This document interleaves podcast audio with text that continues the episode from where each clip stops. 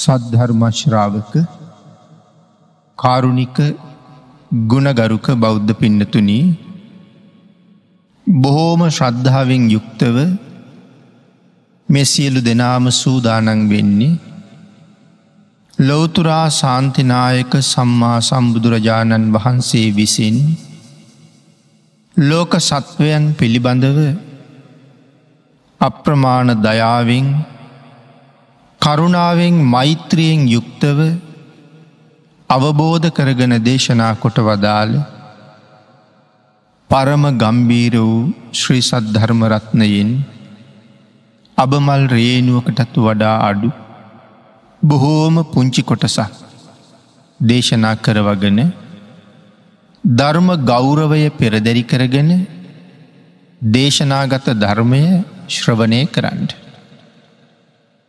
බොහොම සැදැහැයෙන් ධර්මශ්‍රවනය කරන ශ්‍රාවකය විසින් මහත් වූ බලාපොරොත්තුවක් පෙරදැරි කරගෙනම ධර්මශ්‍රවනය කළ යුතු බව බුදුරජාණන් වහන්සේගේ දේශනාවයි.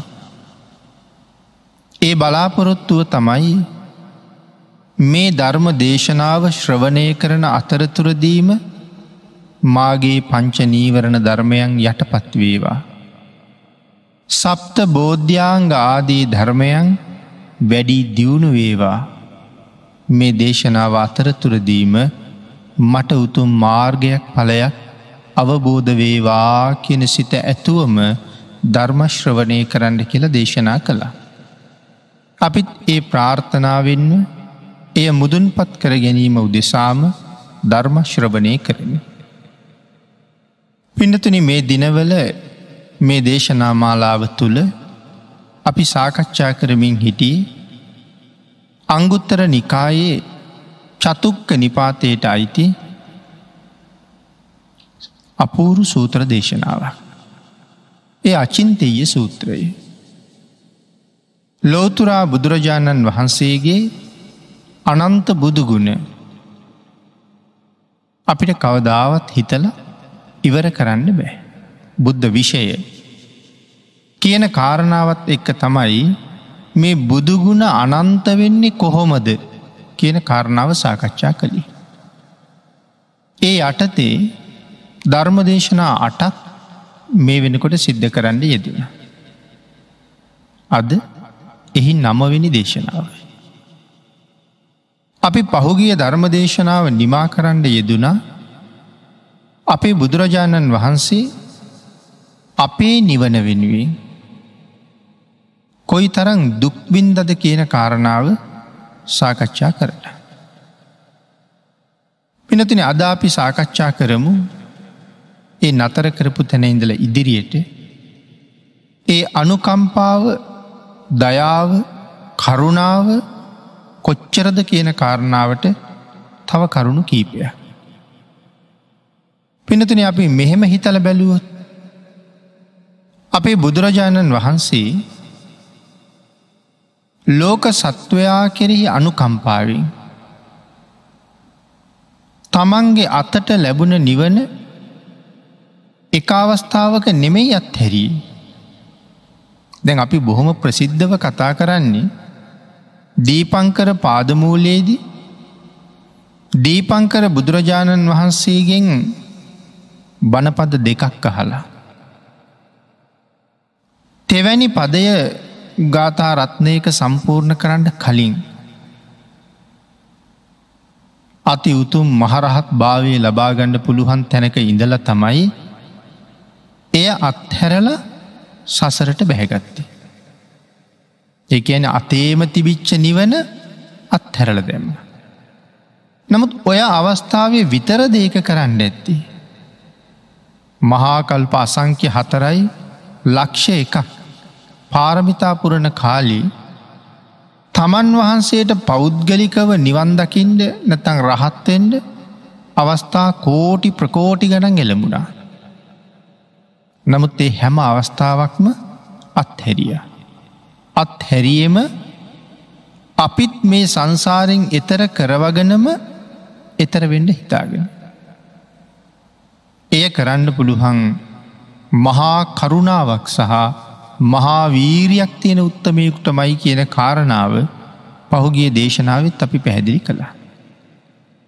ඒ අනුකම්පාව පිනතුන මෙහෙම හිතන්නකු. ජනාධිපති කෙනෙක් අගමැති කෙනෙක් රටේ තවත් ප්‍රභූවරේ එහෙම කෙනෙකුගෙන් අපට යම් වැඩක් කරවගණ්ඩ වුවමනා උනහම අපි ඒ අය හොයාගෙන ගිහිල්ල සමහර වෙලාවට දින ගණන් රස්ති අදුවෙන්ඩ වෙනවා.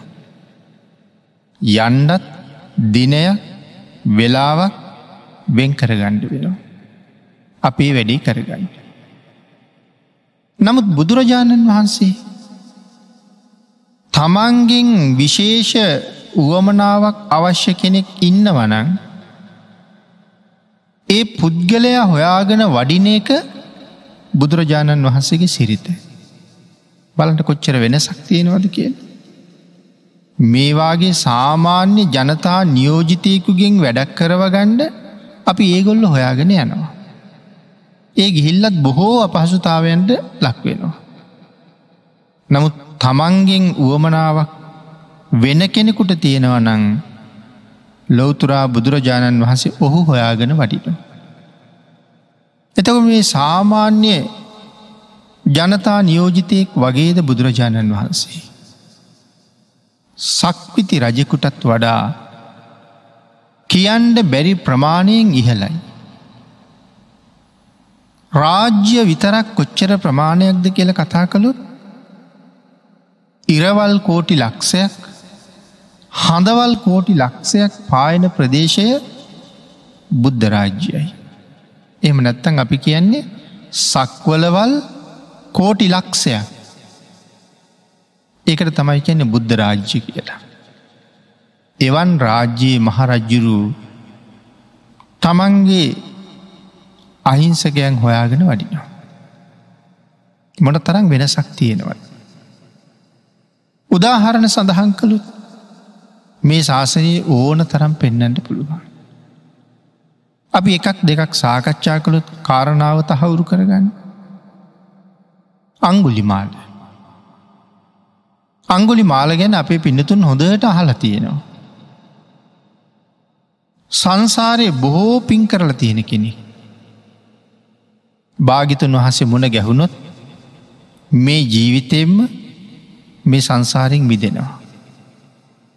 ලෝක සත්වයාට උන්වහන්සේගෙන් වෙන යහපත එකන භාගිතුන් වහසේ මුණ ගැහිල්ල අංගුලි මාලයන් මේ ශාසනයට ආවහම ඒ අංගුලි මාල මහරහතන් වහන්සේගෙන් ලෝක සත්වයාට වෙන මෙහෙවර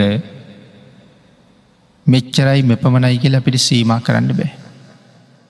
ආං ඒ නිසා බුදුරජාණන් වහන්සේ අංගුලි මාල හොයාගෙන වඩින. එහෙම වැඩම කරල මහා රෞද්‍ර පෙනුමක් තිබුණ තමන්ගේ අවශ්‍යතාවය බුදුන් පත් කරගණ්ඩ ඕනෑම කෙනෙක් මේ වෙලාවි තමන්ගේ ග්‍රහණයට හසු කරගණ්ඩ බලාගෙන හිටපු අංගුලි මාලයන් හොයාගෙන වැඩල ඔහුව දමනය කරන්න යෙදුණ. භාගිතුන් වහස වඩිනකොට මිනිස්සු කෑගහල අඩල කිව්වා ඔය පාරය අන්ඩ එපා කියලා. හැබැයි කවුරුවත් අඳුරන්න ඒ වඩින්නේ භාගිතුන් වහස කියලා. ශරීරයෙන් නික්මෙන බුද්ධ රශ්මිය සිවුර ඇතුළේ හඟවගෙන වැඩිය කියල කියන්න. සාමාන්‍ය භික්ෂුවක් වගේ වැඩිය. ඒත් මිනිස්සු කියනවා යන්ඩිපා කියලා. කං ඇහෙන්නේ නෑ වගේ. මේ ශ්‍රමණයාට කං ඇහෙන් නැද්ද කොහෙද. මෙච්චර කියද්දිත් මේ පාරෙම යන. මිනිසු බොහෝම දුකට පත් වුණා. මේ පාරි ගිය කෙනෙක් අයාපහු ආවේ ආවිනේ. භාගිතුන් වහස වඩිනවා අංගුලි මාලත් පරුවතයක් උඩ ඉඳල කඩුවත් අමෝරගෙන කෑගහගෙන බුදුරජාණන් වහස දිහාට පැන්න. නමුත් ඉරදියක් දක්වලා තිබුණා.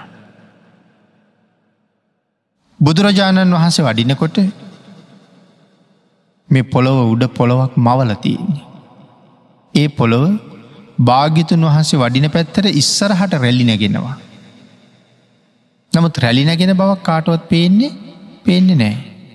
අංගුලිමාල පස්සෙන් එලවනවා.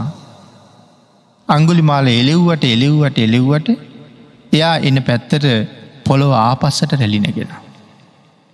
අංගුලිමාල කියන මහා ශක්තිවන්තී. ඇත්තු ගණනාවක ශක්තිය තියෙනවා. ඒ වගේම අපි ශාසනය සඳහන් කරනවා අජානීය පුරුෂයෝ ගැන. අපි අහල තියෙන අජානීය අශ්‍යයෝ ගැන. නමුත් ධර්මය සඳහන් කරනවා අජානීයයෝ පස් දෙනෙක් ගැන. අජානීය අශ්ව අජානීය හත්ති අජානීය වෘෂභ අජානීය සිංහ අජානීය පුරුෂ පින්නතනී මේ ශාසනයේ අසූ මහා ශ්‍රාවකයන් වහසලා සියලු දෙනාම පාහේ අජානීය පුරුෂ කියල ගියොත් වැරදිනේ. එනම් ඒ සියලු දෙනාගේම නායකය භාගිතුන් වහස. ඒ වගේම තමයි අංගුලි මාලයනුත් ශාසනයට ආවට පස්සේ අසූ මහාශ්‍රාවකයන් අතරට ඒකතුවෙන්නේ. එනම් ඒත් අජානීය පුරුෂයෙක්ම තමයි. ඒ නිසා සඳහන් කරනවා යම් පිරිසක් මැද්දෙන් දීවොත් ඒ පිරිසට පේනෑ කියලා තමන් අතරින් දීවි කවුද කියලා. අංගුලිමාල සූත්‍රයේ හරීම ලස්සනයි. පුරුෂ දම්ම සාරථී ගුණය මනාව ප්‍රකට කරන අපූරු සූත්‍ර දේශනාව. අංගුලි මාලයන් මුවෙක් ඒවක් තමන්ට ආහාරයට සතෙක් අල්ලගන්න ලැස්තුන හම මුවෙක් ගෝනෙක් තමන් ඉන්න තැනඉදලා ගව් කීපයක් ඇත තන කමින් ඉන්න දියබොමින් ඉන්න මෝ දිහා තමයි බලන්න. බලල මහ හඬින් කෑගහන්න. කෑගහල්ල තමන් හිටපු පරුවතයෙන් බිමට පැනල අර මුවන්ට එලවන. කෑ ගහනකොට මුව බයි පැනල දුවන. ඒ තරන් හඬක් තිබුණ ගව් ගානක් එහෙෙනවා. සඳහන් කරනවා පිනතිනේ පැනල දුවනකොට බලනව කියලා වයසක සත්තු කුඩා සත්තු ගැබ්බර සත්තු ඒ සියලු දෙනා දිහාම බලලා ඒ හැම කෙනෙක්ම මගඇරලා ශක්තිමත් තරුණ ගෝනෙක් තරුණ මුවෙක් දිහා හැයොමු කරනවා කියලා. දැඟට සත්තු දුවනවා කැලේට එ දුවන අතරේ මේ බලන්නේ. බලලා පර්වතයෙන් පල් හැට පැනලා ඉතා වේගෙන් දුවගෙන ගිහිල්ලා තමන් ඉලක්ක කරපු සතාල්ලනවා කියලා. ඒක යජානීය පුරුෂ කියන්නේ තරං වේගව. ඉති මේ ශාසනයේ කොයි වගේ උත්තමය වැඩහිටියද කියන කරුණු පින්නතන අපිට ජීවිත කාලෙම හිතුවත් තේරෙන්න ඇත්තේ එකයි. අපි කියන්නේ රහතන් වහන්සේ නමක් කියල විතරයි. නමුත් සංසාරයේ පාරමිතා පුරල දන්දීලා උන්වහසල ලබාගත ශක්තිීන් පිළිබඳව අපිට වැටහෙන්නෙමනේ. නමුත් අවබෝධ කරන්න උත්සාහ කළොත් හොයාගණ්ඩ කටයුතු කළොත් මංහිතන අපේ ශ්‍රද්ධාව මීට වඩා හුඟක් ඉහල යනවා කියලා. ඉතින් එවන් වේගෙකින් දුවන කෙනෙක් තමයි මේ වාගිතුන් හසික පස්සෙන් එලවන්නේ. නමුත් ලංවෙන්ඩ බෑ. බැරිම තැන කියනවා තිට්ට ශ්‍රමණ නවතින්ට ශ්‍රමණය කියලා. දැන් තමන්ගේ මාන බිඳිල ඉවරයි. තමන් මහා ශක්තිවන්තය කියල හිතාගෙන හිටිය.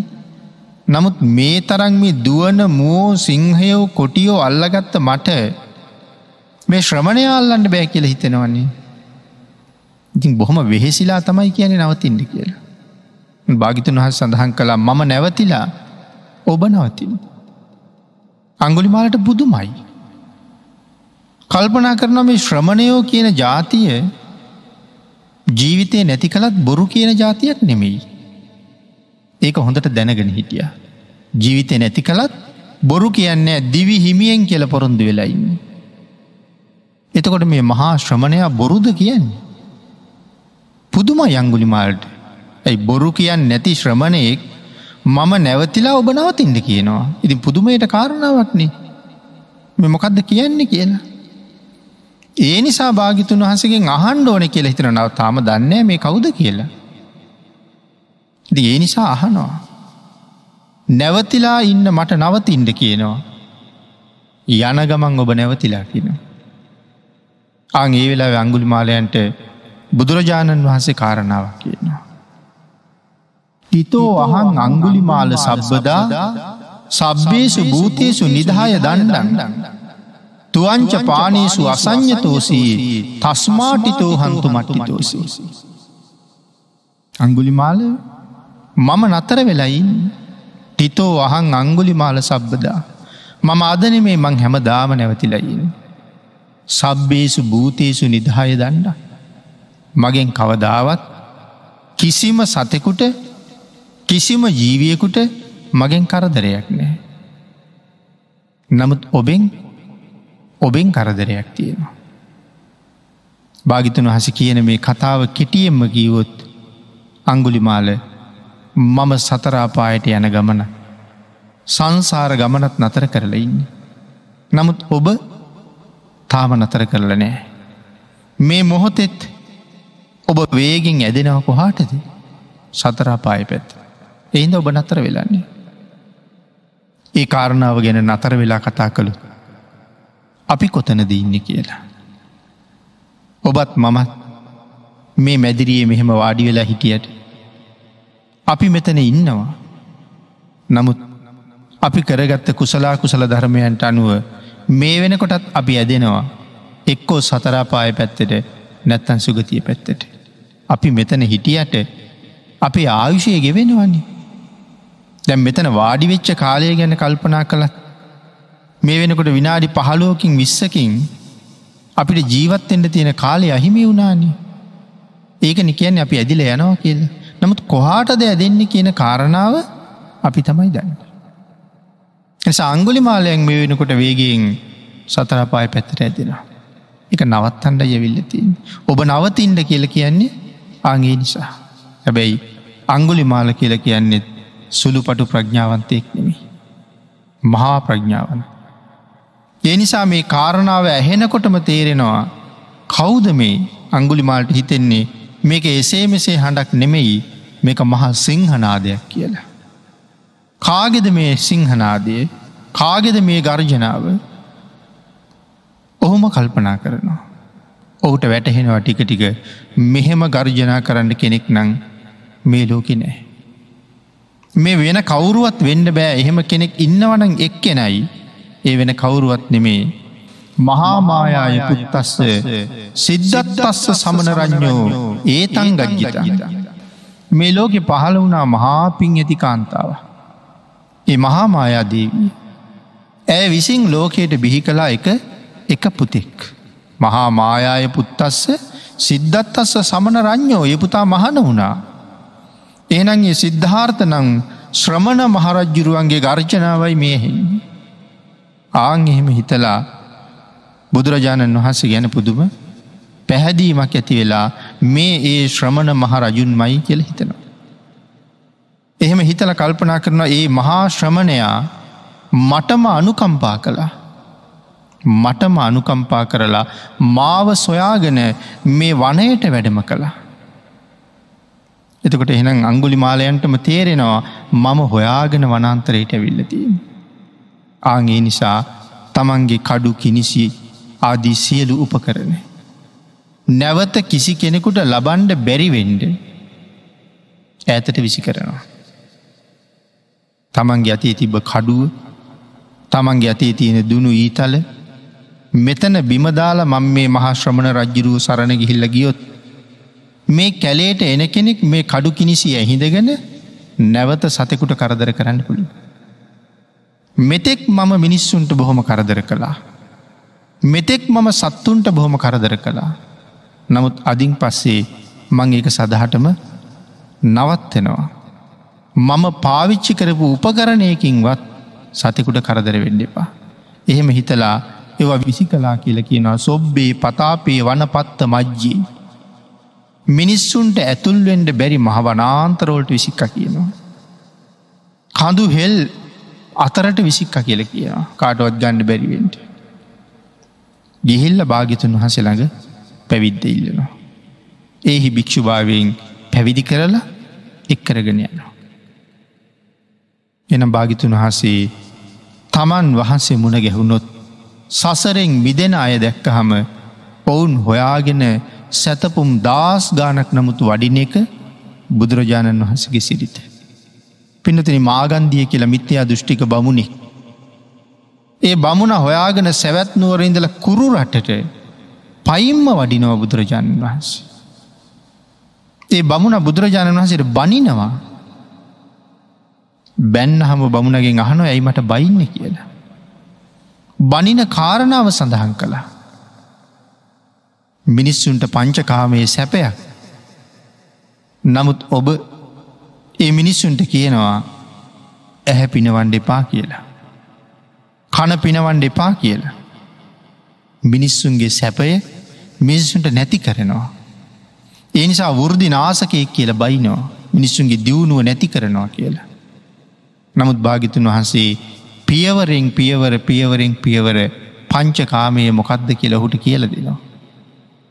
තමන් වහන්සේ ගිහිගෙදර ඉන්න කාලෙ විඳපු පංචකාමය විඳින වෙනත් මිනිහෙක් මනුස්සලෝක නෑ කියලත් කියල දුන්න. නමුත් බ්‍රහ්මණය අවුරුදු විසි නමයක් වයසට එනකොට මට ඒ පංචකාමය වැටහුණේ ලෙඩක් වගේ කියල සඳහන් කළා. ඒ සැපය ලෙඩක් කියල සඳහන් කළා. මේ සැපය අත්හැරල ගියා මම අත්හැරල ගීපු මට විවේකයෙන් උපන් ප්‍රථමධ්‍යාන සුවය හම්බුණ. බ්‍රහ්මණය ඒ ප්‍රථමධ්‍යාන සුවය දිව්‍යලෝක සුවයට වඩා උතුම් කියල දේශනා කළා. අපිට මේ ලෝකේ කොහොම සැපයක් තිබ්බත් දිව්‍යලෝක සුවයෙන් අල්පමාත්‍රයක්වත් නෑ. නමුත් ප්‍රථමධ්‍යාන සුවය කියන එක දිව්‍යලෝක සුවයට වඩා උතුම් කියල දේශනා කළා. බ්‍රාහ්මණයට හොඳට රිදෙන්ඩ තා වචනයක් දෙකක් භාගිතුන් වහස් සඳහන් කළා. බ්‍රහ්මණයගෙන් අහනෝ බ්‍රහ්මණය මිනිහෙකුට කුෂ්ටරෝගයක් හැදිලා. එමිනිහගේ මුළු ඇඟම කුෂ්ටරෝගයක් හැදිලා කහනවා ඉවරයක් නෑ කහනවා. කහලා කහලා කහලා බැරිම තැන මොකද මෙයා කරන්නේ. කබලක් ලිපට දාලා ඒක රත් කරලා එකින් තවනවා. එතකොට කොහොමද කියලානවා. ස්වාමීනී ඒකෙන් තවනකොට සැපයි. අර කහල කහල තුවාල වෙලා තියෙන බිබිලි අරකින් ඇගේ ගෑවී නොගෑවී රත් කරනකොට සැපයි. සඳහන් කළා බ්‍රහ්මණය පස්සේ ඔහු හොඳ වෙනවා. ඕගේ රෝග හොඳ වෙනවා. හොඳ වෙලා පාරය යනකොට අර වගේම තවමිනිහෙක් කහනවා. ඒමිනිහත් අර වගේම තවනවා. බ්‍රාහ්මණය ඔහුට අර කලින් ලෙඩේ හැදිල තිබ්බ කෙනාට හිතෙනවද ඉක්මනට ගිහිල් අර කබල උදුරගෙන තවන්ඩ කියල ඇහුවා. අනේ නෑ ස්වාමීණි කිව්වා. තැන් හොඳ වෙලානි. ඇයි කියලැහුවා. ස්වාමීණී ඕකෙන් තවනකොට තියෙනෙ පුදුම දුක. එහෙනම් ඇයි එදා තැව්වේ කියලා හපු හම කියනවා ස්වාමීණී කායක් ප්‍රසාදය වෙනස් වෙලා තිබුණි. එදා හිතුන තවනකොට සැපයි කියලා. නමුත් ලෙඩේ හොඳ වෙලා හින්දා අද තේරෙනවා තවනකොට දුකයි කියලා. පිච්චෙනකොට දුකයි කියලා. භාගිතුන් වහස දේශනා කළා බ්‍රාහ්මණය මමත් ඔඹ ඔය වර්ණනා කරන පංචකාමය වින්ද. නමුත් ඒ පංචකාමය අත්හරල ගිහිල්ල ප්‍රථමධ්‍යාන සුවය ලැබුවට පස්සේ මට ඒ පංචකාමය දැනෙන්නේ ලෙඩක් වගේ. එහෙනම් මං මේ ලෝකෙ ජීවත්වෙන මිනිස්සුන්ට ඒ ලෙඩේ සරුසාර කරගණ්ඩ අවවාද කරන්නේ කිව්වා. ආං ඒකයි ඇහැ පාලනය කරන්න කියන්න. ආං ඒකයි දිවපාලනය කරන්න කියන්න. ඒ කරුණ බ්‍රහ්මණයට සඳහන් කරලා නැවත මතක් කලා බ්‍රහ්මණයේ මිනිහෙකුගේ ඇගේ තියෙනවා තුවාලයක්. තුවාලය වටේට මේ නිය අගින් කහනකොට වන මුව නියාගින් කහනකොට කොහොමද කියලෙව්වා. පිනතින අපි දන්නවා. තුවාලයක් වටේට නියපොත්තෙන් කහනකොට තියෙන්නේ සනීපය භාගිතුන් වහස දේශනා කලා බ්‍රහ්මණය උඹල ඔය වර්ණනා කරන පංචකාම සැපය මම දකින්නේ තුවාලයක් වටට නියාගින් කහනකොට දැනෙනවාගේ සැපයක් හොයන්ඩ තමයි රෑ දවල් මිනිස්සු දඟලන. ඊට වඩා උසස් සැප මේ ලෝකෙ තියෙනවා මිනිස්සු එවන් සැප හොයන් උත්සාහ කරන්නේ. මේවාගේ බාල සැපයක් හොයන්ඩ අව්‍ය වේලෙනවා වැස්සට තෙමෙනවා එල්ලි වෙනකං නිදිමරනවා දවස් ගනන් මාස ගනන් අවුරුදු ගනන් දුක්විඳිනවා බලාපොරොත්තු දල්ලොගෙන ඉන්නවා ඉගෙන ගන්නවා මෙ හැම දෙයක්ම කරන්න මොනවාගේ සැපයක් පැන්ඩද තුවාලයක් වටට නියාගින් කානකොට දැනෙන සැපයක් වගේ දෙයක් වෙනුවෙනුයි මේ අවුරුදු ගණන් දුක්කිඳන්න කියලා. මේ කරුණු කාරණා භාගිතුන් වහස දේශනා කරලා ඉවර වෙනකොට මාගන්දිය බ්‍රහ්මණය බුදුන් සරණයනවා. මාගන්දී පැවිදි කරන්න කියහම් භාගිතුන් වහස මාගන්දී පැවිදි කරනවා. පිඩතුනී මාගන්දියත් සව් කෙලෙස් නසලා රාහතන් වහන්සේ නමක් බවට පත්වෙනවා. භාගිතුන් වහසේ මුණ ගැහුණොත් මෙන්න මෙහෙම සුවයකට පත්වෙනවා නං යමෙක් ඔහු හොයාගෙන සැතපුම් දස් ගනන් ගටින. සම්මා සම්බුද්ධ ශාසනයේ මොන තරන්නං ලස්සනද. මොන තරන්නං නිර්මලද භාගිතුන් වහසගේ දේශනාව කොයි තරං අපූරු පිඩතුන හිතල බලන්ඩු. මේ නිර්මල අපූරු ශාසනය තුළ අපි පිහිටියොත් අපිට මොනවාගේ සුවයක් තියයිද කියලා. සතර අපායෙන් මිදිලා සදා කාලික සුවයෙන් සැනසෙන්ඩ පුළුවන්. නමුත් එවන් ශාසනය ඇසුරු කරන්න එවන් ශාසනය තුළ කටයුතු කරන්න අපිට තාම ශ්‍රද්ධාව ශ්‍රද්ධාව මති. කැපකිරීමක් කරන්නේ. වීරය කරන්නේ ලෞකිකත්වය වෙනුවෙන් ඕන තරං දුක්කිදිනවා. අපි කතා කළොත් යුද්ධ හමුදාවක් ගැන යුද්ධ හමුදාවක තියෙන පුහුණු කාලය එක එක අංසවල විවිධයි. නමුත් මොන තරන් දුක්විඳින්ඩෝ නැත. ජීවිතය කවදාවත් කණ්ඩ හිතාපු නැති දේවල් ඒ කාලි කණ්ඩ සිද්ධ වෙනවා. සුමාන ගනන් සපත්තු දෙක ගලවන්ටනේ. දවස් ගනම් බඩිගින්න ඉන්ඩුවනේ. සාගරය ගෙනහිල් අතරමං කරලා දානවා. එයා ඒක සම්පූර්ණ කරන්න නම් හොයාගෙන පීනගෙන එන්ටෝනේ. වනාන්තරයගෙන හිල් අතරමං කරලා දානවා. ගුවනට ගෙනහිල් අත හරිනවා. නමුත් අපි සල්ලි හොයාගන්න හින්ද. හොඳ රැකියාවක් කර ගණ්ඩෝන නිසා. සල්ලි ටිකක් හම්බ කරගත්තොත් මේ පංචකාමය හොඳට විඳින්ඩ පුළුවන් හින්දා එච්චර දුක් විඳිනවා. ඒ සියලුම දුක් විඳින්නේ සමහර වෙලාවට මාසකට රුපියල් තිස් පන්දාහක් කතලිස් දහක්ග එච්චර දුක් විඳින්. නමුත් මේ ශාසනයේ අධ්‍යයනය කරගන්ට. භාගිතුන් වහසගේ දේශනාව ගවේශණය කරගණ්ඩ අවුරුදු දහයක් කැපකිරුවත්.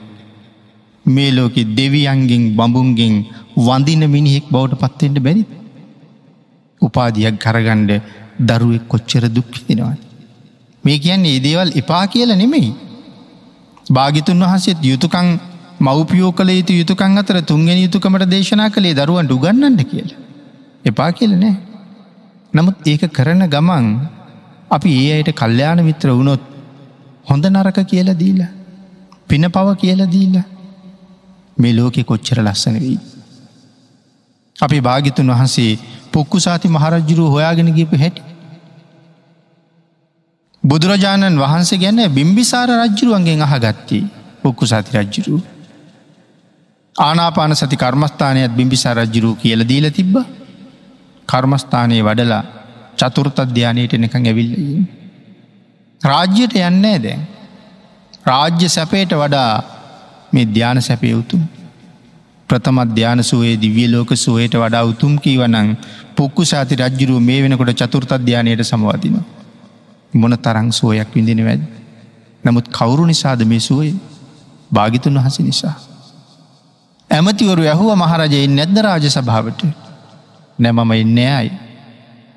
මම මාලිගාවෙන් යන්ඩ තීරණය කළා. ශ්‍රමණ බවත් ගෞතමයන් වහස හොයාගෙන. මිනිස්සු ඇහුවා මහරජය අපි එන්ඩ දැරලන්ඩ යන්න කියලා. එවෙල සඳහන් කලා තාම භාගිතුන් වහස ගැන දැකලනෑ රජ්ජුරුවන්ගෙන් අහගත්. මම දන්න හැටියට මගේ ශාස්තෘන් වහසේ අභිනිෂ්ක්‍රමණය කරලා තියෙන තනියම උන්වහන්සේ හොයාගෙන යන ගමන මම තනියමම යායුතුයි කියලකිව. එහෙම එලියට බැහල යනකොට සැවැත් නුවර පහු කරලා හුඟ දුරගිහිල්ල. රෑවෙනකොට කුඹල් හලකින් බග්ගව කියන කුඹල්කරුවට කතා කර ලහනවා. මට අද රාත්‍රිය මෙහි පහන් කරන්න බැරිද. ඔහුගේ ඔහු කියනවා සැවැත් නුවර පහුවෙලා දැන් කියලා. ශ්‍රද්ධාව නිසා යනවා. අනික මේ ධ්‍යාන ලාබීන්ගේ ගමන හරි වේගව. බුදුරජාණන් වහන්සේත් තමන් වහන්සේ හොයාගෙනෙන මේ කීකරු ශ්‍රාවකය මුණගහෙන්ඩ භාගිතුන් වහසෙත් යොදුන් ගානක් පයින් වඩිට. පයින් වැඩලා අර කුඹල් හලටම ගිහිල්ලා බග්ගවගෙන් අහනවා මටත් රෑට මෙහි නවතින්ට බෑත්. ඒ ලැවි කුඹල්කරු සඳහන් කළා මට කමක් නෑ කලින් ආපු ශ්‍රමණයෙක් මෙහින්නවා. ඔහු කැමතිනක් නවතින්ට කියලා කුබල්කරු දුරන්නෙත් නෑ මේ කවුද කියලා. භාගිතුන් වහසේම අඳුරන්ට බෑපින්නතුනි. එකට හේතු ගණනාවක් ධර්මී තියෙනවා. අපි කවදාවත් බුදුරජාණන් වහන්සේ දැකල නැති හින්දා අපි ජේතවන රාමිට ගියුත්. රහතන් වහන්සේල දැක්කහම අපි රැවටෙනවා මේද බුදුරජාණන් වහන්සේ කියලා. ඇයි පිනතුනි නන්ද මහරහතන් වහන්සේටත් මහාපුරුෂ ලක්ෂණ තිස් දෙකම තියෙනවා. රාහුල මහරහතන් වහන්සේටත් මහාපුරුෂ ලක්ෂණ තිස් දෙකම තියෙනවා. තවත් මහාපුරුෂ ලක්ෂණ කීපයක් කීපයක් තිබුණ අසූ මහශ්‍රාවකයන් වහන්සේලා හිටිය. කච්චායන මහරහතන් වහස ගැන සඳහන් කරනකොට කියන්නේ රත්තරං පාටිං දිලිසුනා කියලා. ඉතින් රන්වන් පාටින් බැබලිච්ච තව රහතන් වහසල කොච්චර ඉන්න ඇත්ද. ඒවාගේ උත්තමය අපි දැකල නැති නිසා එක්කෙනෙක් දැක්ක හමිතනවා මේද බුදුරජාණන් වහස කියලා. නෑ මම නෙමෙයි කියල කිවොත් සමහරලාට ඊළඟට දකින කෙනා දැක් හමිතෙන්නේ මේද බුදුරජාණන් වහන්ස කියලා. අඳුරන්ඩ බෑ. පහසුවෙන් අඳුරන්ඩ බෑ. බැරි නැත්ති නෑ නොදන්න කෙනෙකුට පහසු නෑ. ඒකයි බග්ගව අඳුරගන්න නැත්ති. පොක්කුසාති තවුසා අර කුඹල් හලේ ඉන්නවා මේ හොයාගෙන යන්නේ භාගිතුන් වහන්සේව. භාගිතුන් වහස එතෙන්ට වැඩල හනවා මටත් රෑය පහන් කරන්න පුළුවන් දෝබත් එක්ක මේ කුඹල් හලීම පුළුවන් කියනවා. නමුත් අඳුරගත්තද මම හොයාගනේ නෑ ඒ මහාරිශීරයන් වහස මේ වැඩඉන්න කියලා. බුදුරජාණන් වහස කෙ අඳුරන්නේ. පොක්කු සාති තවසා චතුරත අධ්‍යානයට සම්බධින. ඇගිල්ලක්වත් හොළොවන්නේ. භාගිතුන් වහසි චතුරත අධ්‍යානයට සමවදිනවා. මධ්‍යම රාත්‍රී වෙනකම්ම එහෙම්මම ඉන්නවා. භාගිතුන් හස කල්පනා කළා මොහුට දහමක් දේශනා කළ යුතුයි. පොක්කුසාද භික්‍ෂුව නොදන්න භාග්‍යතුන් වහස දන්න තව කාරණාවක් තියෙනවා. මේ භික්‍ෂුව හෙට උදේට මරණයට පත්වෙනවා. එක පුක්කු සති භික්ෂුව දන්නේ. එහින්ද අද මොහුට පිහිට වෙන්ඩුවට. කතා කළා කතා කරල කීවා ඇහුවා කොහෙද යන්නේ මම සැවැත් නුවර යන. කවුරුමන ගැහෙන්ඩෙද. ශ්‍රමණ බවත් ගෞතමයන් වහන්සේමන ගැහෙන්. ශ්‍රමණ බවත් ගෞතමයන් වහන්සේ දැකල තියෙනවද. නෑකීවා. දැක්කොත් අඳුරනවද කියල හෙව්වා. ඒත් නෑකීවා. එතනින් එහටේ ගැන කතා කළි කතා කළේ නෑ. මම ඔබට ධර්මයක් දේශනා කරන්නද කියලෙහවා. හා කීවා. අපි භාගිතුන් වහසේ ධාතු විභංගය පිළිබඳව දේශනාවක් කළා. ආන්ගේ ධර්ම දේශනාව ඉවර වෙනකොට පොක්කුසාද භික්‍ෂුව හඳුන ගත්තා මේ රාත්‍රිය මාත්‍යක ගත කරන්න වෙන කවුරුවත් නෙමෙයි මම හොයාගෙනන මගේ ශාස්තෘන් වහන්සේමයි කියලා. පිනතන මේ කතාව අපිට තවත් අපූරු කාරණාවක් කියනවා භාගිතුන් වහන්සේම අපිට දේශනා කර. යෝ දම්මා පස්ස සෝ මං පස්ස මහනින යමෙක් මගේ ධර්මය දකිනවද මහනිනි ඔහු මාව දකිනෝ. පොක්කුසාති භික්‍ෂුව බුදුරජාණන් වහසේ අඳුරන්නේ නෑ නමුත් දේශනාව ඉවර වෙනකොට තීරණය කරනවා මේ වෙන කවුරුවත් නෙමෙයි මේ ඒ ශ්‍රමණ බවත් ගෞතමයන් වහන්සේමයි. හඳුනගත්තේ මොකක් තුළින්ද දේශනාවී තිබුණ ව්‍යක්ත බව නිසා. දේශනාවේ තිබිච්ච ශ්‍රේෂ්ඨ බව නිසා ධර්මය තුළිනු යඳුරගත්තේ මේ බුදුරජාණන් වහන්ස කියලා. එනම් අදත් එදත් භාග්‍යතුන් වහසේ හඳුන ගණ්ඩනං ධර්මය හඳුනගන්න එකම එකම වටිනවා. යමෙක් ධර්මය තුළට එන්ඩ එන්ඩ ඔහු බුදුරජාණන් වහන්සේට ලංවෙන කෙනෙක් බවට පත්වෙනවා. එදාට ඔහු භාගිතුන් වහසගේ කීකරු ශ්‍රාවකයෙක් බවට පත්වෙනවා. එහනම් මේවාගේ තව කී දෙනෙක් හොයාගෙන බුදුරජාණන් වහස වැඩිය ඇති. ඔවුන්ට පිහිට වෙන්ඩම වැඩලා ඔවුන්ගෙන් මොන්න තරං භාගිතුන් වහස අපවාද හල තියෙනවද. නමුත් කොච්චර අපවාද කළත් දාල යන සිරිතක් භාගිතුන් වහසළඟනෑ. ඔවුන් සසරින් එතර කරලම තමයි වඩින්නේ. ආං ඒවාගේ මහ කරුණාවක් පුද්දුම කරුණාවක් තියෙනවා. මේ කරුණාව ගැන කවදාවත් අපිට හිතල ඉවර කරන්න බේ. ආගේ නිසා භාගිතුන් වහසගේ ඒ කරුණාව තුළම තියෙන්නේ මහපුදුම අනන්ත බව. අනන්ත කරුණාවක් තියෙනවා කියල කිය හම අපිට අනන්ත බව තේරෙන්නේ. බුදුගුණ අනන්තයි කියල කිය හම ඒ අනන්ත බව කොච්චරද කියන එක අපිට තේරෙන්නේ. ඒ නිසයි මේ සූත්‍රයේ දේශනා කළේ මේ බුද්ධ කියන විෂය හිතන්ඩ යන්න එපා කියලා. ඒකෙන් අපිට බුදුගුණ ගැන හිතන්ඩ එපා කියලා නෙමෙයි කියන්නේ. අපිට හිතල ඉවර කරන්න බෑ. හිතල ඉවර කරනවා කියලා කල්පනා කළොත් අපි වෙහෙසට පත්වෙනවා. සමහර වෙලාට අපි උම්මත්තක වෙනවා. මොකද හිතුවට හිතුවට හිතුවට ඒ සාගරී තෙරක් නෑ.